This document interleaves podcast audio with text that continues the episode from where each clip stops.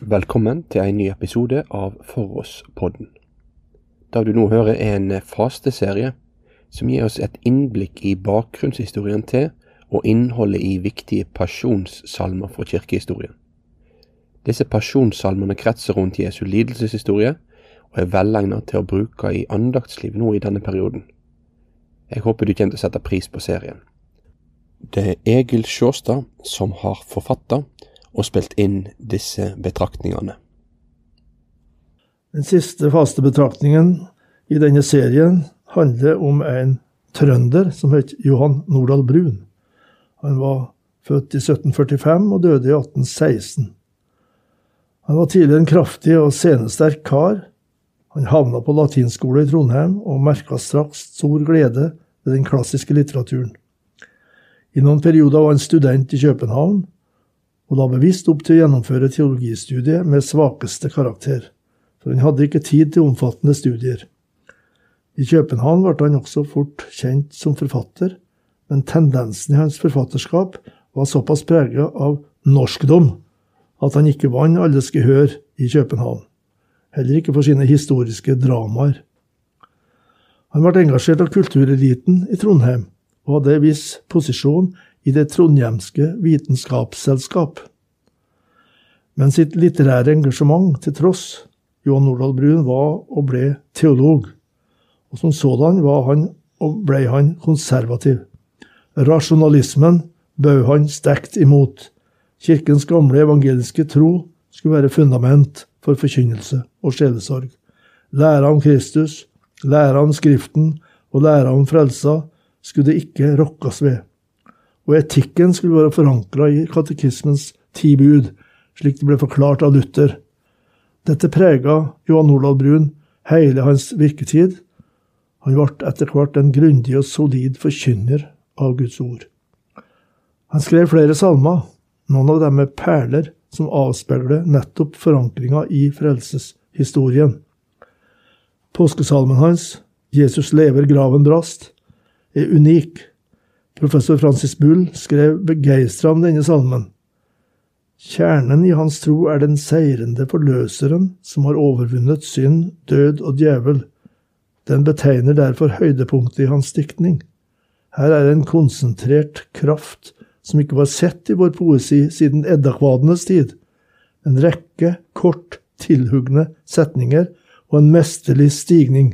Lynet blinker, jorden bever, graven brast, og Jesus lever. Nå i påskeuka må vi meditere litt over disse to påskeversene av John Olav Brun, han som ble biskop i Bergen. Jesus lever, graven brast. Han sto opp med guddoms velde. Trøsten står som klippen fast, at hans død og blod skal gjelde. Lynet blinker, jorden bever, graven brast, og Jesus lever. Det er ikke eleganse. De to ledda i første linje gjentas i motsatt rekkefølge i siste linja. Men det store i dette påskeverset er egentlig forkynnelsen, som i, trygg, i form av trygge påstander får fram linja mellom langfredag og påskedag. Påskedagens største trøst, hva er det? Jo, at Jesu korsdød langfredag har gyldighet. Påskedag sier Gud sitt 'det er fullbrakt', som gjensvar på Jesu langfredagsord. Og han gjør det ved å hente Jesus ut av graven. Nå kan ingen synd fordømme oss. Jesus, en, Jesu død var en soningsdød, og den gjelder i all evighet for alle som tar sin tilflukt til Han. Vi trenger ikke å tvile, for den trøsta står fast som klippen, og den bekreftes for evig av Jesu oppstandelse. Det var tankeføringen bak verset som Brun skrev. Og Derfor blir det andre verset fullt av jubel. Seieren er allerede sikra. Døden er oppslukt til seier, slik allerede profeten Jesaja spådde. Djevelen er bundet. Vi er kjøpt fri fra det store gjeldens fengsel. Nå er himmelen over oss åpna. Ja, vi har vunnet fordi Jesus vant.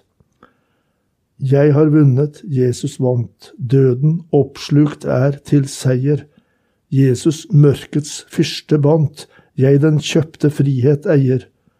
Åpen har jeg himmelen funnet. Jesus vant, og jeg har vunnet. Brun lot seg engasjere av mange forhold i Bergen i tida der som biskop, men når han sto på talerstolen og utla tekster, da var han på sitt mektigste. Han styrte Bergen fra talerstolen, ble det sagt, og han slo igjen og igjen strek under de store frelseskjensgjerningene. Få år etter at Brun hadde skrevet sin påskesalme, skrev den litterært begavede kvinna Birgitte Katrine Boje i Danmark et høytidsvers som understreker nettopp samme sak, kontakten mellom langfredag og påskedag, som opptok Johan Olav Brun. Den sterke trøsten og den åpne himmelen får hos Birgitte Boje følgende uttrykk. Han er oppstanden, store bud. Min Gud er en forsonet Gud. Min himmel er nå åpen. Min Jesus seier ikke død, fordømmelsenes piler brøt og knuste mørkets våpen. O røst, min trøst, ved hans seier som jeg eier, helved bever. Han var død, men se, han lever. Med disse versene fra slutten av 1700-tallet ønsker vi hverandre en meningsfull påske, og vi skal til slutt lese apostelorda som utgjør noe av kilden til disse salmeversene sin jublende glede. Filipperne 2, 8-11.